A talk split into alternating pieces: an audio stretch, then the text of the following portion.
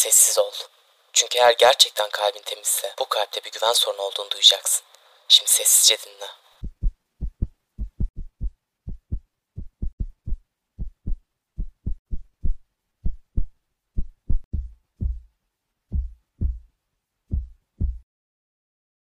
İkinci kayda hoş geldin. Sen ve Zambak. Yerinde olsam Zambak'ın o güzel beyaz görünüşüne, o hoş kokusuna aldanmazdım. O bir katil, o bir hırsız. Biliyorum, içinden girizgah kısmında dediklerini ne çabuk unuttun dediğini duyuyorum. Hani bu kayıtlarda suçlama olmayacaktı diyorsun. Bu bir suçlama değil. Birazdan bana yaptıklarını anlattığında bana hak vereceğini umuyorum. Zambak'la yollarımız 2019'un Kasım'ında kesişti. O zamanlar ikimiz de eski tiyatrodaydık. O tiyatroda konservatuvar kursları ve kış kursu diye iki seçenek vardı. Gerçekten yetenekliysen ve bunu bir kurula kanıtlarsan haftanın 5 günü çalışmalara katılıp konservatuvar öğrencisi oluyordun. Üstelik bir oyun sergileneceğinde öncelikli oyuncu da olacaktın. İşte tam o zamanlarda ikimiz de kış kursunun bize yeterli gelmeyeceğini düşünmüş olacaktık ki elemelere katıldık. Tirat ve ses performansından oluşan bu iki aşamalı sınavda 50 puan üstü alırsan geçiyordun. Ben 75 ile geçmiştim. Bu daha hayatında hiç tirat oynamayan ve tiyatroda yeni olan birisi için iyi bir puandı. Zaman kaçta geçtiğini hatırlamıyorum ama o da iyi bir puanla konservatuvar öğrencisi oldu. İlk zamanlarda biz çok yakın olmadık. Hatta kış kursuna kalan ve hala da arada konuştuğumuz sağlıkçı bir arkadaşım vardı. Onunla ayrı düştüğüm için de kötü hissediyordum. Bazen diyorum ki keşke haftanın iki günüyle yetinseydim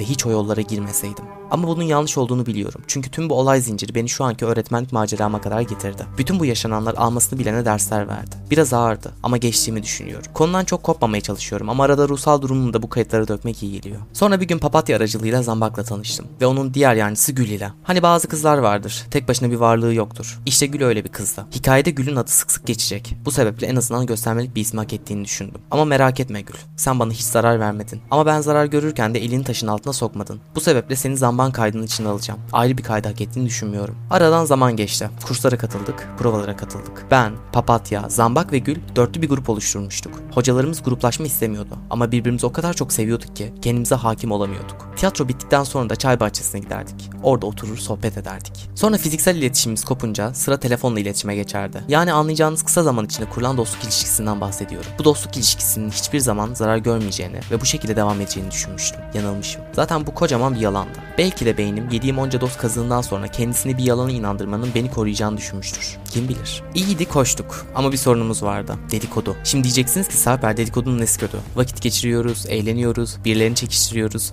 Bize hata yaptılarsa onlara bok atıp kendimizi avutuyoruz. Yani kimseye bir zararı yok ki. Aslında o iş öyle değil sevgili arkadaşlar. Çok geç oldu ve hala daha bu özelliğimi bırakmakta zorlanıyorum ama dedikodu gerçekten rezil bir durum. Düşünsene başkasının dedikodusunu sana yapan ve özelini açan birisi neden senin özelini ve dedikodusunu başkasına yapmasın ki? Hani bir laf vardır. Açma sırrını dostuna, dostun söyler dostuna diye. Sanki bu durumu özetleyen bir söz gibi geldi. Ne dersin? Bu dedikodu kazanının tahta kaşığı başta elimizdeydi. Birbirimize güven veriyor ve kimseye birbirimizin götünü açmıyorduk. Hikayenin sonuna geldiğimizde dedikodunun insana nasıl türlü zararlar verebileceğini de göreceksin. Ama sonra dışlandığımızı hissettik. Yanımızda birbirimizden başka kimsenin kalmadığını fark ettik. O tiyatrodayken sadece bir çocuk oyununda yer aldık Zambak'la. Tabii Gül ve Papatya da vardı. Bu kişiler benim en saf ve temiz duygularımı gördüler. Onlara bu duygularımı hissettirdim. Ama ya hikaye en başından beri bir düzmeceye kurulu manipülasyon oyunuydu ya da yanlış anlaşılmalarla dolu bir sene. Her iki sonda kötüydü. Pandemi ortaya çıkınca her yer kapandı. Burada tiyatromuz da nasibini aldı. İkinci bir duyuruya kadar herhangi bir kayıt almayacaklarını ve kursiyerlerin de devam etmeyeceğini bildirdiler. Biz ayrı düşmüştük. Ben bu süreçte Zambak'ı gerçekten çok özledim. Genellikle telefonla birbirimizi arardık. En yoğun olduğumuz zamanlarda bile haftada bir kere mutlaka görüşürdük. Tarihler 2020'nin sonbaharına geldiğinde ben tiyatromda kurs açtırmaya çalışırken o zaten kurs kayıt tarihlerine kaydolmuş ve kursa başlamıştı. Ama ne yalan söyleyeyim. Eğer bu kaydı dinliyorsan Zambak, en büyük motivasyonum seninle oturup sohbet edebilmekte ve tiyatroda bunun için çok uygun bir ortamda. Sen eşi bulunamaz bir dostun ve aynı zamanda iyi bir ablaydın. Nasıl geliştiğini anlamadığım bir sebeple o tiyatrodan ayrıldın. Doyumsuz oluşunun bir işaretiydi bu aslında. Tiyatrona, seni gerçekten başarılı gören ve seni her oyununda başrolün altındaki rollere yerleştiren göz önünde tutan hocalarına ihanet ettin. Zakkum'un tiyatrosuna gittin. Sadece sen değil, yanında arkadaşlarınla birçok kursiyeri çalarak oraya gittin. Bu hırsızlık orayı güzelleyip senin hamurunu oluşturan tiyatroyu ve hocalara hatta sana arkadaşlık eden kişileri kötüleyerek yapılan bir hırsızlıktı. Sonrasında gidip kıytırık bir korku film çekimlerine katıldın. Tabii Gül ve Papatya ile birlikte. Sana hiçbir zaman hiçbir şey yeterli gelmedi. Hep daha fazlasını istedin. Aç gözlü davranışlarına insanları ve ortamları bir pil gibi tüketip bir sonraki durağa kadar gideceğini anladığın anda onları parçalayarak kaçtın. Bütün bu podcast serisini hazırlarken yaşadığımız olayları tekrar düşünme fırsatım oldu. O zamanki bakış açımla olsa kendisini daha iyi yetiştirebileceği bir yere gitti. Bunda ne kötülük var ki derdim. Senin zorun neydi? Kimse sana laf atmıyordu. Hocalar sana güveniyordu. İyi roller alıyordun. Gelecek vaat ediyordun aslında. Ama sen yanındaki birkaç arkadaşını da alıp onlara sırtını döndün. Belki bir beden daha büyük rol alabilmek için, belki biraz daha ilgi ve şakşak alabilmek için bunu yaptın. Seninle sonbahardaki beyhude çabalarımdan sonra çok görüşmedik. 5 ay sonra Mart ayının başı gibi Zakkum'la bir bağlantın olduğunu öğrendim. Çok sevinmiştim. Geçmişten bir dost bana burada arkadaşlık edecek. Üstelik aramızda herhangi bir sorun da yoktu. Benim rahat hissetmemi sağlayacak bir sigortaydın yani. Seninle kısa zaman içinde tıpkı eski tiyatroda olduğu gibi samimiyet yakaladık. Tabii Gül ve Papatya'yla da. Yalnız aramızda bir fark var. Ben tiyatroma asla ihanet etmedim. Rahat bir tarafıma da batmadı yani. Gerekçelerim belliydi. Ve eğer benim kaydım o geçtiğimiz yaz alsalardı ben seninle kalkıp da sonu belli olmayan bir yolculuğa çıkmazdım. Yoksa çıkar mıydım? Belki de üstün manipülatif yeteneklerinle beni de kandırıp çekerdin yanına. O konuda kesin konuşmayayım. 2021'in Haziran ayına geldiğimizde çocuk oyunu için çalışmalara başladık. O zaman bana kader yine bir ipucu veriyordu. Göremedim. O oyunda Zakkum çocuğuna başrol teklif etmişti. Çocuğum bunu kabul etmeyince nasıl da onu baskılayıp ona bu rolü dayatmıştın? Tabii çocuğum bunu kabul etmedi. O zaman istediğini yaptıramayınca nasıl da çıldırdığını görmeni isterdim. Gözlerini devirip burnundan soluyordun. Ama işte yaşanacak günlerimiz varmış. Bu aşamada ne yazık ki hala daha farkında değilim. O yaz boyu ilk kayıtta da bahsettiğim gibi keyfimizin yerinde olduğunu söyleyeyim. Burada kimsenin hakkını yemiyorum. Hem Zakkum, hem Zambak, hem Gül, hem Papatya gerçekten iyiydi. Ama Eylül ayında hiç atmaz dediğimiz vida attı. Motordaki ilk gözle görülür hasar ortaya çıktı. Papatya'nın kendisinden 27 yaş büyük sevgilisi oldu. Sevgilisi 40 yaşındaydı. Adam neredeyse menopoza like that. Ve Papatya daha reşte olmamasına rağmen bu insanla bir ilişki içindeydi. Ben de dahil olmak üzere Zambak ve Gül bu durumu çok sert bir şekilde eleştirdi. Sonra Papatya'nın sevgilisi o zamanki yakın arkadaşlarımızdan birisine fiziksel şiddet uygulayınca Papatya tiyatrodan ayrıldı. Yani Zakkum Papatya'nın tiyatroyla ilişkini kesti. Papatya'ya ben de dahil herkes sırtını döndü. Onu anlamaya çalışmadık. Bir gün dördümüz konferans yaptık ve ben ona gerçekten hak etmediği sözler söyledim. Bana bir beddua etmişti. Sarper seni çok seviyorum ama umarım bana yaşattıklarının aynısını yaşarsın ve beni anlarsın diyordu. Evet sevgili Papatya. Bedduan öyle bir tuttu ki. Papatya yanlış bir karar vermişti. Sevgilisi ortak arkadaşımıza saldırmıştı. Ama bir arkadaş ve bir abla olarak Zamban yapacağı en iyi şey onunla arkadaş ilişkisini bitirmek miydi? Ona her konuda tam desteği sağlayıp korumalıydı. Yetişkin insanların yapacağı gibi ailesini bilgilendirmeliydi. Gerekirse polisle iletişime geçmeliydi. Ama o kendi konfor alanı bozulmasın, kendi işleri aksamasın diye silmeyi tercih etti. Tabii ben de bunu yaptım. Zambak bana hayatımın en büyük yanlışını yaptırdı. Kendi güzelliğini aldığını asıl yanında olmam gereken insanı sırtımı döndüm. Aradan geçen bir sene sonra ben Papatya ile de iletişime geçtim. Tabii bu görüşmem keyfim yerindeyken olmadı. İnsan gerçekten bir şeyleri kaybetmeden neyin kimin kıymetli olduğunu anlayamıyormuş. Aynı o hesap. Ama gerçekten konuşmamız iyi gitti. Ondan özür diledim ve beni affetmesini istedim. Zakkum'la ve Zambak'la yaşanan olayları anlattım. Kendi dini inancından ötürü beni affedeceğini ama bunun biraz zaman alacağını söyledi. Umarım beni affetmiştir. Çünkü açıkçası arada aklıma gelir ve bir daha böyle bir hataya düşmemem konusundaki en büyük aynamdır kendisi. Sonra Ekim ayına geldik. Artık eskiden en yakın olduğun dostlarını, arkadaşlarını, hatta Zakkum bile eleştirir oldun. Onlardan çok da aman aman bir farkın varmış gibi onları kötüledin. Dedikodusunu yaptın. Yaptık. Evet, bugün ha ben ve Gül de seninle ortak olduk. Sonrasında her ne kadar pişman olsam da. Her ne kadar konuştuğum her bir kelime bana fazlasıyla zarar olarak gelse de bunu göremedim. Bu kadar pis bir şekilde oynayacağını tahmin edemedim. Sana kızmıyorum Zambak. Sana karşı bu kadar açık, dürüst, samimi hisler beslediğim için, koşulsuz bir şekilde güvendiğim için, bana zarar verdiğini anladığım anda, Zakkum'a yaptığım gibi sana resti çekemediğim için kendime kızıyorum. Bu hikayedeki en büyük suçlulardan birisi olmana rağmen hala daha günahların ortaya çıkmadı. Gününü gün etmeye devam ediyorsun. Görüyorum. Gözlerimi oyduğunu, kulaklarımı kestiğini, ağzımı bağladığını sandın. Ama artık ben değil, kalbim konuşuyor. Zambak, hani sen, ben, Gül. 2 Kasım sabaha karşı ne konuştuk? Bana mesajda neler yazdın? Telefonda anneme neler söyledin? İkimiz de tüm gerçeği biliyoruz. Artık saklamanın da bir manası yok. Zakkum'u çocuk şubeye şikayet etmemiz gerektiğini ama olası bir mahkemede şahitlik yapmayacağını çünkü anonim kalmak istediğini söylemiştin. Bizden Zakkum'un emek emek kurduğu tüm düzenini, tüm prestijini almamızı istedin. Bu fikri sen verdin. Ama bu fikir sadece beni Ankara'ya gönderebilmek için bir kozdan öteye geçmedi. Geçirmedim. Çünkü her ne kadar bana zarar verse de bir insan ekmeğiyle oynayabilmenin, yani bu kadar ileri gidebilmenin bana göre olmadığına karar verdim. Eğer isteseydim o gecenin sabahında yapabilirdim. Ama yapmadım. Çünkü amacın belliydi. Otorite olarak gördüğün beni tamamen ortadan kaldırıp yanımda da Zakkum'u götürmemi sağlamaktı. Böylelikle ortalıkta rahatça at koşturabilecektin. Senin derdin hakim olabilmek. Doymak bilmez güç hırsını susturmaktı. Ama yapamadın. Sonra bir plan daha yaptın. 14 Kasım 2021 günü. Gece 21.30'da oyunumuzu oynadık. 22.30 gibi oyun bitti. 23.30'da dekorlar taşınmış, otobüse yerleşmiştik. İstikamet Ankara'ydı. O zaman için yaşamış olduğum durumdan dolayı yanımda olmak istediğin anlamını çıkardığım davranışların yok etmek istediğim birisi için fazla yakındı. Hani bir söz vardır. Tanrım beni dostlarımdan koru. Düşmanlarıma karşı ben kendimi korurum diye. Tanrı korumadı. Sarper olayları çözemedi. Zaman planı ise tıkır tıkır işliyordu. O gün aslında planını devreye sokmayacaktın. Ama bir şey fark ettin. Zakkum'la aramızdaki buzlar eriyordu. Biz birbirimize gülümsedik. Bu gülümseme Zakkum'un yaz aylarındaki gülümsemesi gibiydi. İlk molada otobüsten indik. O moladan önce bir olay yaşandı. Ama kesinlikle bu hikayede asıl suçlunun o değil, sen olduğunu düşünüyorum.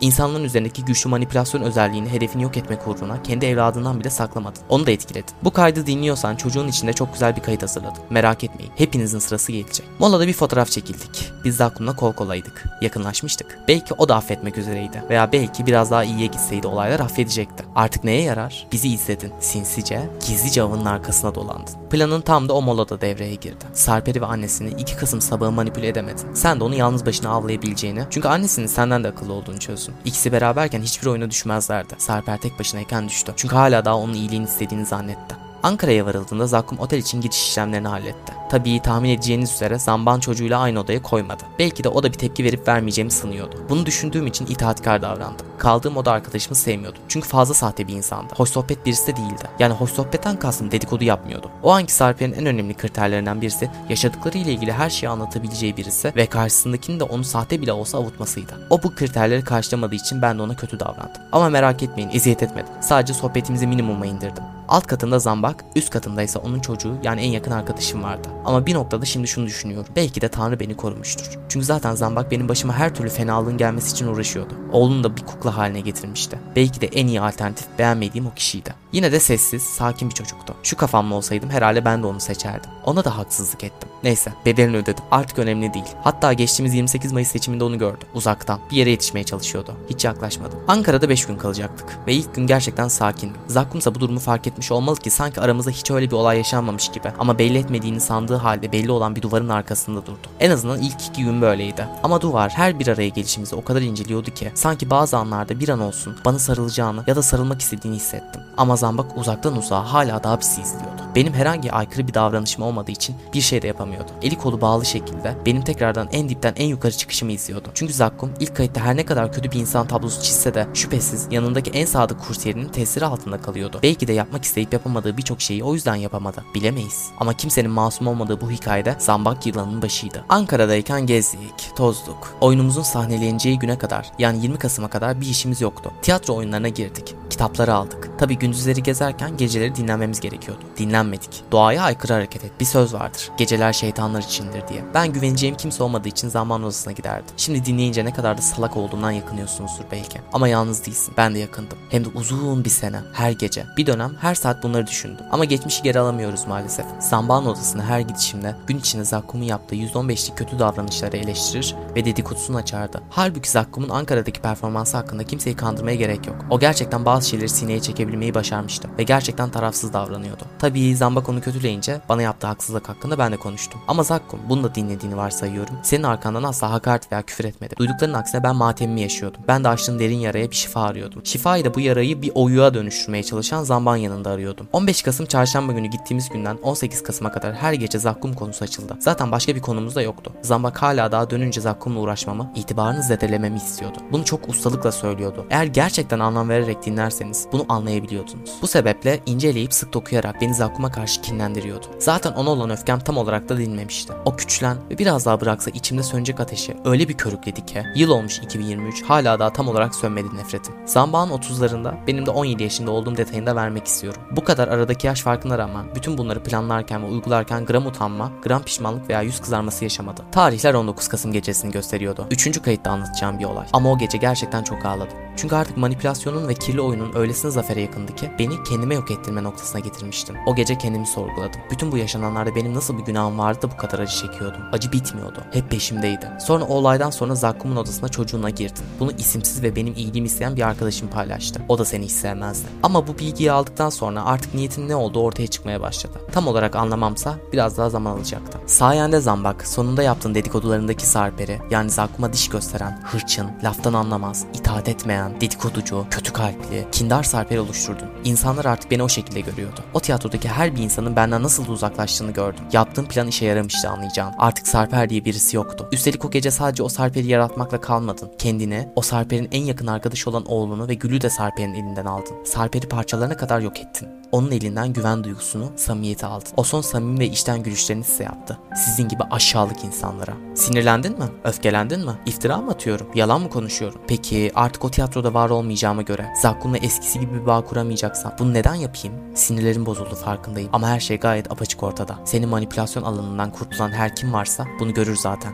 20 Kasım günü oyunumuz için kalktık. Yatağımdan bok gibi kalktım. Sayenizde artık yapayalnız evden 564 kilometre uzakta bir çocuktum. Siz ise sabahleyin yüzüme bile bakmadınız. Zakkum zaten bakmıyordu. Ne konuştuysanız o odada o günkü Zakkum ilk günkü affetme eğilimli Zakkum değildi artık. Bütün bu hikaye örüntüsünde hep şunu merak ettim. Nerede ne yaptığını, ne düşündüğünü, ne konuştuğunu hep merak ettim. Yapıp yapmadığını bilmediğimden değil. Sadece içeriklerini merak ediyorum. Mesela iftira attın mı? Kendin dediğin şeyleri ben demişim gibi gösterdin mi? Açık niyetini söyledin mi Zakkum'a? Ne kadar dürüst oldun? Ne kadar yalan söyledin? Hep bu küçük detayları merak ettim. Yani bütün bu ilişkilere ektiğin küçük nifak tohumlarını ve ne olduklarını. Ektiğini zaten biliyorum. 20 Kasım öğlene doğru oyunumuz sergilendi. Dekor taşıma, otobüsün gelmesi vesaire derken 17.00 gibi otobüse bindik. Açıklamada belirttiğim şarkıyı açtım ön koltuğa oturduğuma. Yolda birbirimizle hiç konuşmadık. Kimse birbirinin yüzüne bile bakmadı. Yani en azından bana öyle davrandınız. Bana öyle davrandığınız ve o davranışınızın haklı sebeplerinin olduğunu düşündüğünüz her an daha çok öfkelendim size. Sonunda gece yarısı 010 olmuştu. Otobüs belediye binasının önüne geldi. Ayıp olmasın diye bir iki dekor taşıdım. Yanında kalan nakit parayı ATM'den kartıma yatırdım ve sonra babamı bekledim. 2-3 dakika içinde gelmişti. Sonra mesaj yazdı. Gelmemi söyledi arabaya. O sırada hepinize son bir kez baktım. Çünkü bir daha asla bu şekilde bir araya gelemeyeceğimizi biliyordum. Önce Zakkum'a, sonra sana, sonra çocuğuna, sonra Gül'e. Diğerlerini de gözümle inceledim. Son yüz ifadelerinizi zihnime kazıdım. Bana tüm bunları yaşatanları bir daha unutmamak ve onlardan intikam alacağım günkü yüz ifadeleriyle kıyaslamak için. Sonra arkama bile bakmadan, bir veda bile etmeden, birisiyle bile sarılmadan, çok severek, çok kırgın, çok öfkeli, çok üzgün, çok pişman ve daha bir sürü çokla birlikte gittim. Aralık sonuna geldiğimizde ilk kayıtta bahsettiğim sömestrda sergilenen çocuk oyununa gelmek istiyorum. Zakkum provaların başlayacağını duyurduğu bir mesaj attı. Ben okulda son dersteydim. Mesaja görüldü attım. Tabii bu esnada diğerleri geliriz, geleceğiz falan yazıyorlardı.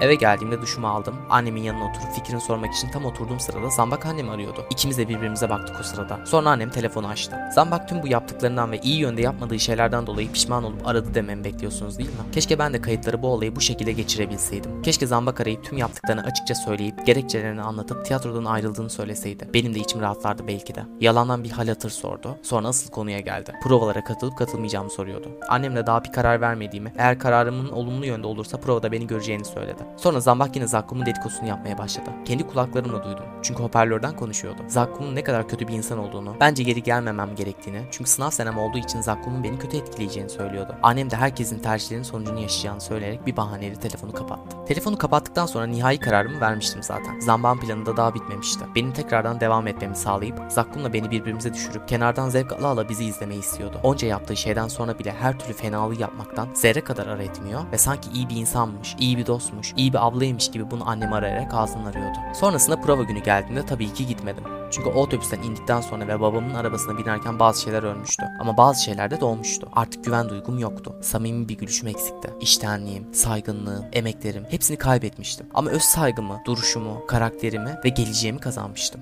Mesela benim o zaman için yaptığım bir hataya daha gelirsek, onların bana o kadar çok zarar verdiğini bilmeme rağmen ne numaralarını silmiştim ne de sosyal medyadan çıkarmıştım. Size bir tavsiye vereyim. Bir şey bittiyse bitmiştir. Bunun A'sı, B'si, C'si yoktur. Siz çok seversiniz, çok özlersiniz, çok ihtiyacınız vardır. Ama bir şeyin vadesi dolunca tekrar eskisi gibi olmaz. Çok klişe bir örnektir ama vermek istiyorum. Elinize boş bir maden suyu şişesi alın ve onu kırın. Dünyanın en becerikli tamircisi de gelse, en sabırlı insanı da oturup birleştirmek için uğraşsa o ilk zamanki pürüzsüz güzel görüntüsünü geri kazandıramaz. İlişkiler de böyledir bence. Araya bir kere yalanlar girdi mi? Bir kere samimiyetsizce birbirinize baktınız mı? Aranızdaki ayna bir kere çatladı mı? eskisi gibi olamaz maalesef. Benim de onlarla olan ilişkim bu verdiğim örneklerle çok benzerdi. Üstelik bizim Zambak'la olan ilişkimiz dolu bir maden suyu şişesiydi. Kırılınca yere dökülenler de cabasıydı. Onları takipten çıkarmadığım için ne var ne yok her şeyi görüyordum. Aralığın son haftasında bir kere prova aldılar. Sonra da yılbaşı tatiline girdiler. 4 Ocağı kadar bir hareket göremedim. Sonrasında bir öldürücü darbe daha geldi. Zambağın çocuğu benim yaz boyu çalıştığım baba rolünü almıştı. Şimdi tekrardan empati müziğimizi alalım ve tüm bu anlatılanları yaşayan bir Sarpel olarak ne düşünürdünüz sorayım size. O gönderiyi gördükten sonra ne hissederdiniz? Ne yapmak isterdiniz? onlara. Ben o tiyatroyu başlarına yıkmak istedim. Zambağın aramasının arkasındaki gizli niyeti de artık ortaya çıkmıştı. Meğerse gelme ihtimalim oğlunu yerleştireceği role ipotek koymuştu. Bu sebeple benim gelmememi empati yapıyormuş gibi dile getirdi. Ama gelseydim de yapacakları belliydi. O anki Sarper ölüm ve sıtma arasında bir ablukaya alınmıştı. Sıtmayı tercih etti. Her ne bedel ödemesi gerekiyorsa ödemeye hazırdı ve gitmedi. Çok gözyaşı döktü, çok canı yandı. Onlardan intikam alma isteğiyle kalbini kararttı. Ama bunları tek başına yaşadı. Kimseye bir şey olmadı. O hariç herkes hayatına devam etti. Zaman çocuğu benim rolümü alınca başta bir şoka girdim. Bu kadarını da yapamazlar diye düşündüm. Herhalde kostümü giyip beni almışlardır diye düşündüm. Ama sonra hikaye dağıttılar. Okuma provası alınıyordu. Repliklerimi kostümle birlikte okuyordu. Evet, bu bir anma gönderisi değildi. Tam olarak rolümü almıştı. Zambak ve çocuğuna buradan sormak istiyorum. O tiyatroda benim yaşlarımda hiç mi erkek kalmadı? O rolü almak size mi düştü? Hadi role göz koydunuz. Zambak, sen arayıp durumu anlatsaydın seve seve eski bir dostuma rolü verirdim. Ama işten pazarlıklı davrandınız. Tıpkı Ankara turnesinde olduğu gibi. Sonra oğlun bugüne kadar canlandırdığım en güzel rol olan Haldun karakterinden kareler başlığıyla gönderi olarak paylaştı. Sanki nispet yapar gibi. Takip ettiğimi, her paylaştığınız şeyi gördüğümü gayet iyi bilmenize rağmen bunları yaptınız. Bu davranışlarınız sizi olası bir gelecekte affetme şansımı da elimden aldı. Sonraki aylarda hiçbir şey yapmamama rağmen Zambak beni her platformdan engelledi. Hem de tüm hesaplarımı. Diğer kayıtlarda bahsedeceğim bu gizli kişi gidip bunu sorduğunda biz çok güzel anlar yaşıyoruz. Bizi görüp üzülmesini istemedim. Ondan engelledim demiş. Ben sizin gibi fesat mıyım? Eğer duygularınız, kazanımlarınız adil bir şekilde olsaydı ben oradan gitmiş bile olsam arkamda bıraktığım dostlarımın güzel başarılar kazanmasına sevinirdim. Sizin tüm kazanımlarınız bir düzenbazlık ve yalan üzerine kuruluydu. Bakın arkadaşlar arasında bir hukuk vardır. Hele birisine dostum, kardeşim diyorsan bu hukuk daha da güçlüdür. Aynı durumda kim olsa benim düşündüğümü düşünürdü. Benim gibi öfkelenirdi. Çok da almak istiyorsaydınız o rolü en azından sormalıydınız. Çünkü sizin her paylaşımınızı hala görüyordum. İşte bu yapmadığınız ama yapsaydınız kalbimin bu kadar kırılmayacağı olaya ince düşünceli olmak diyoruz. Ayrıca bir konuda daha yanılmıştı Zambak. O rolümü çaldıklarından sonra paylaştıkları her gülümsemelerine, her gönderilerine, her provalarına lanet ettim. Tıpkı Papatya'nın bana yaptığı gibi. Ben bunu yüzlerine karşı yapmadım. Direkt Tanrı'ya dua ettim. Yani o rol hırsızlığından sonra yaptıkları her şey beni daha da öfkelendirmekten öteye gitmedi. Tüm bu olaylar zincirinde en günahkarı arıyorsak sensindir Zambak. Ama Zakkuma da at gözlüklerini çıkarmadığı için kırgınım. Gerçekten görmek isteyen görürdü çünkü. İlla birbirimizin canını yakmaya gerek yoktu. Sonuç olarak ben Zambak'ın ellerine avuştura avuştura zevk ala ala eğlendiğini düşünüyorum. Şu an hala orada. Birbirlerinin yüzlerine bakıyorlar. Birbirleri hakkında dedikodu yapıyorlar. Biliyorum. Peki bir şey sormak istiyorum. Her şey düzeldi mi? Artık daha fazla güce mi sahipsin? Artık herkese söz geçirebiliyor musun? O tiyatronun sahibesi olabildin mi? Yani değdim tüm bu yaptıklarına. Bence hayır. Bence sen Zamba birisinin hayatına müdahale edilmemesi gerektiğini öğrendin. Çünkü sen basit birisin. Hayatta hiçbir kazanımı olmayan, aç gözlü, doyumsuz birisiydin. Değiştiğini de pek sanmıyorum. Hala daha sanki sen sütten çıkma ak kaşıkmışsın gibi birilerinin dedikodusunu yapmaya, birilerinin hayatına nifak tohumu serpmeye devam ediyorsundur. Çünkü sen busun. Kabul et kendini. Bir ara şey demiştin. Sen büyüyünce, eline mesleğini alınca beni ziyaret edeceksin. Ben de yaşlanmış olacağım. Eski günleri birlikte yad edeceğiz demiştin. Ben büyüyorum ve iyi bir mesleğim olacak. O mesleğin kendi içinde de başarılı olacağım. Ama seni asla ziyarete gelmeyeceğim. Sen de bana yaptığın kötülükleri hatırlayacaksın. Bu şekilde fesatlıkla, dedikoduyla, kötülükle hayattan bir şey elde edemeden göçüp gideceksin. Ama açıkçası umurumda bile değil. Artık ne üzülmeni istiyorum, ne canının yanmasını, ne mutlu olmanı, ne korkmanı. Sadece sana olan duygularımı anlatıyorum. Sana kardeşim, kaybettiğim ablam demiştim. Bu kadar şeyi yaşamama göz yumdun. Sessiz kaldın. Bana hak etmediğim şeyler yaşattın. Aynısını yaşamadan ölmeyeceğini biliyorum. Umarım kukla gibi yönettiğin oğlundan çıkmaz yaptığın kötülükler. Çünkü özünde onun da iyi olduğunu biliyorum. Buz, ateşin yanında erimeden durabilir mi? Peki oğlum senin yanında kötüleşmeden var olabilir mi? İkisinin de cevabı aynı. O zaman seni bu parçayla ve vicdanınla baş başa bırakıyorum. Elveda.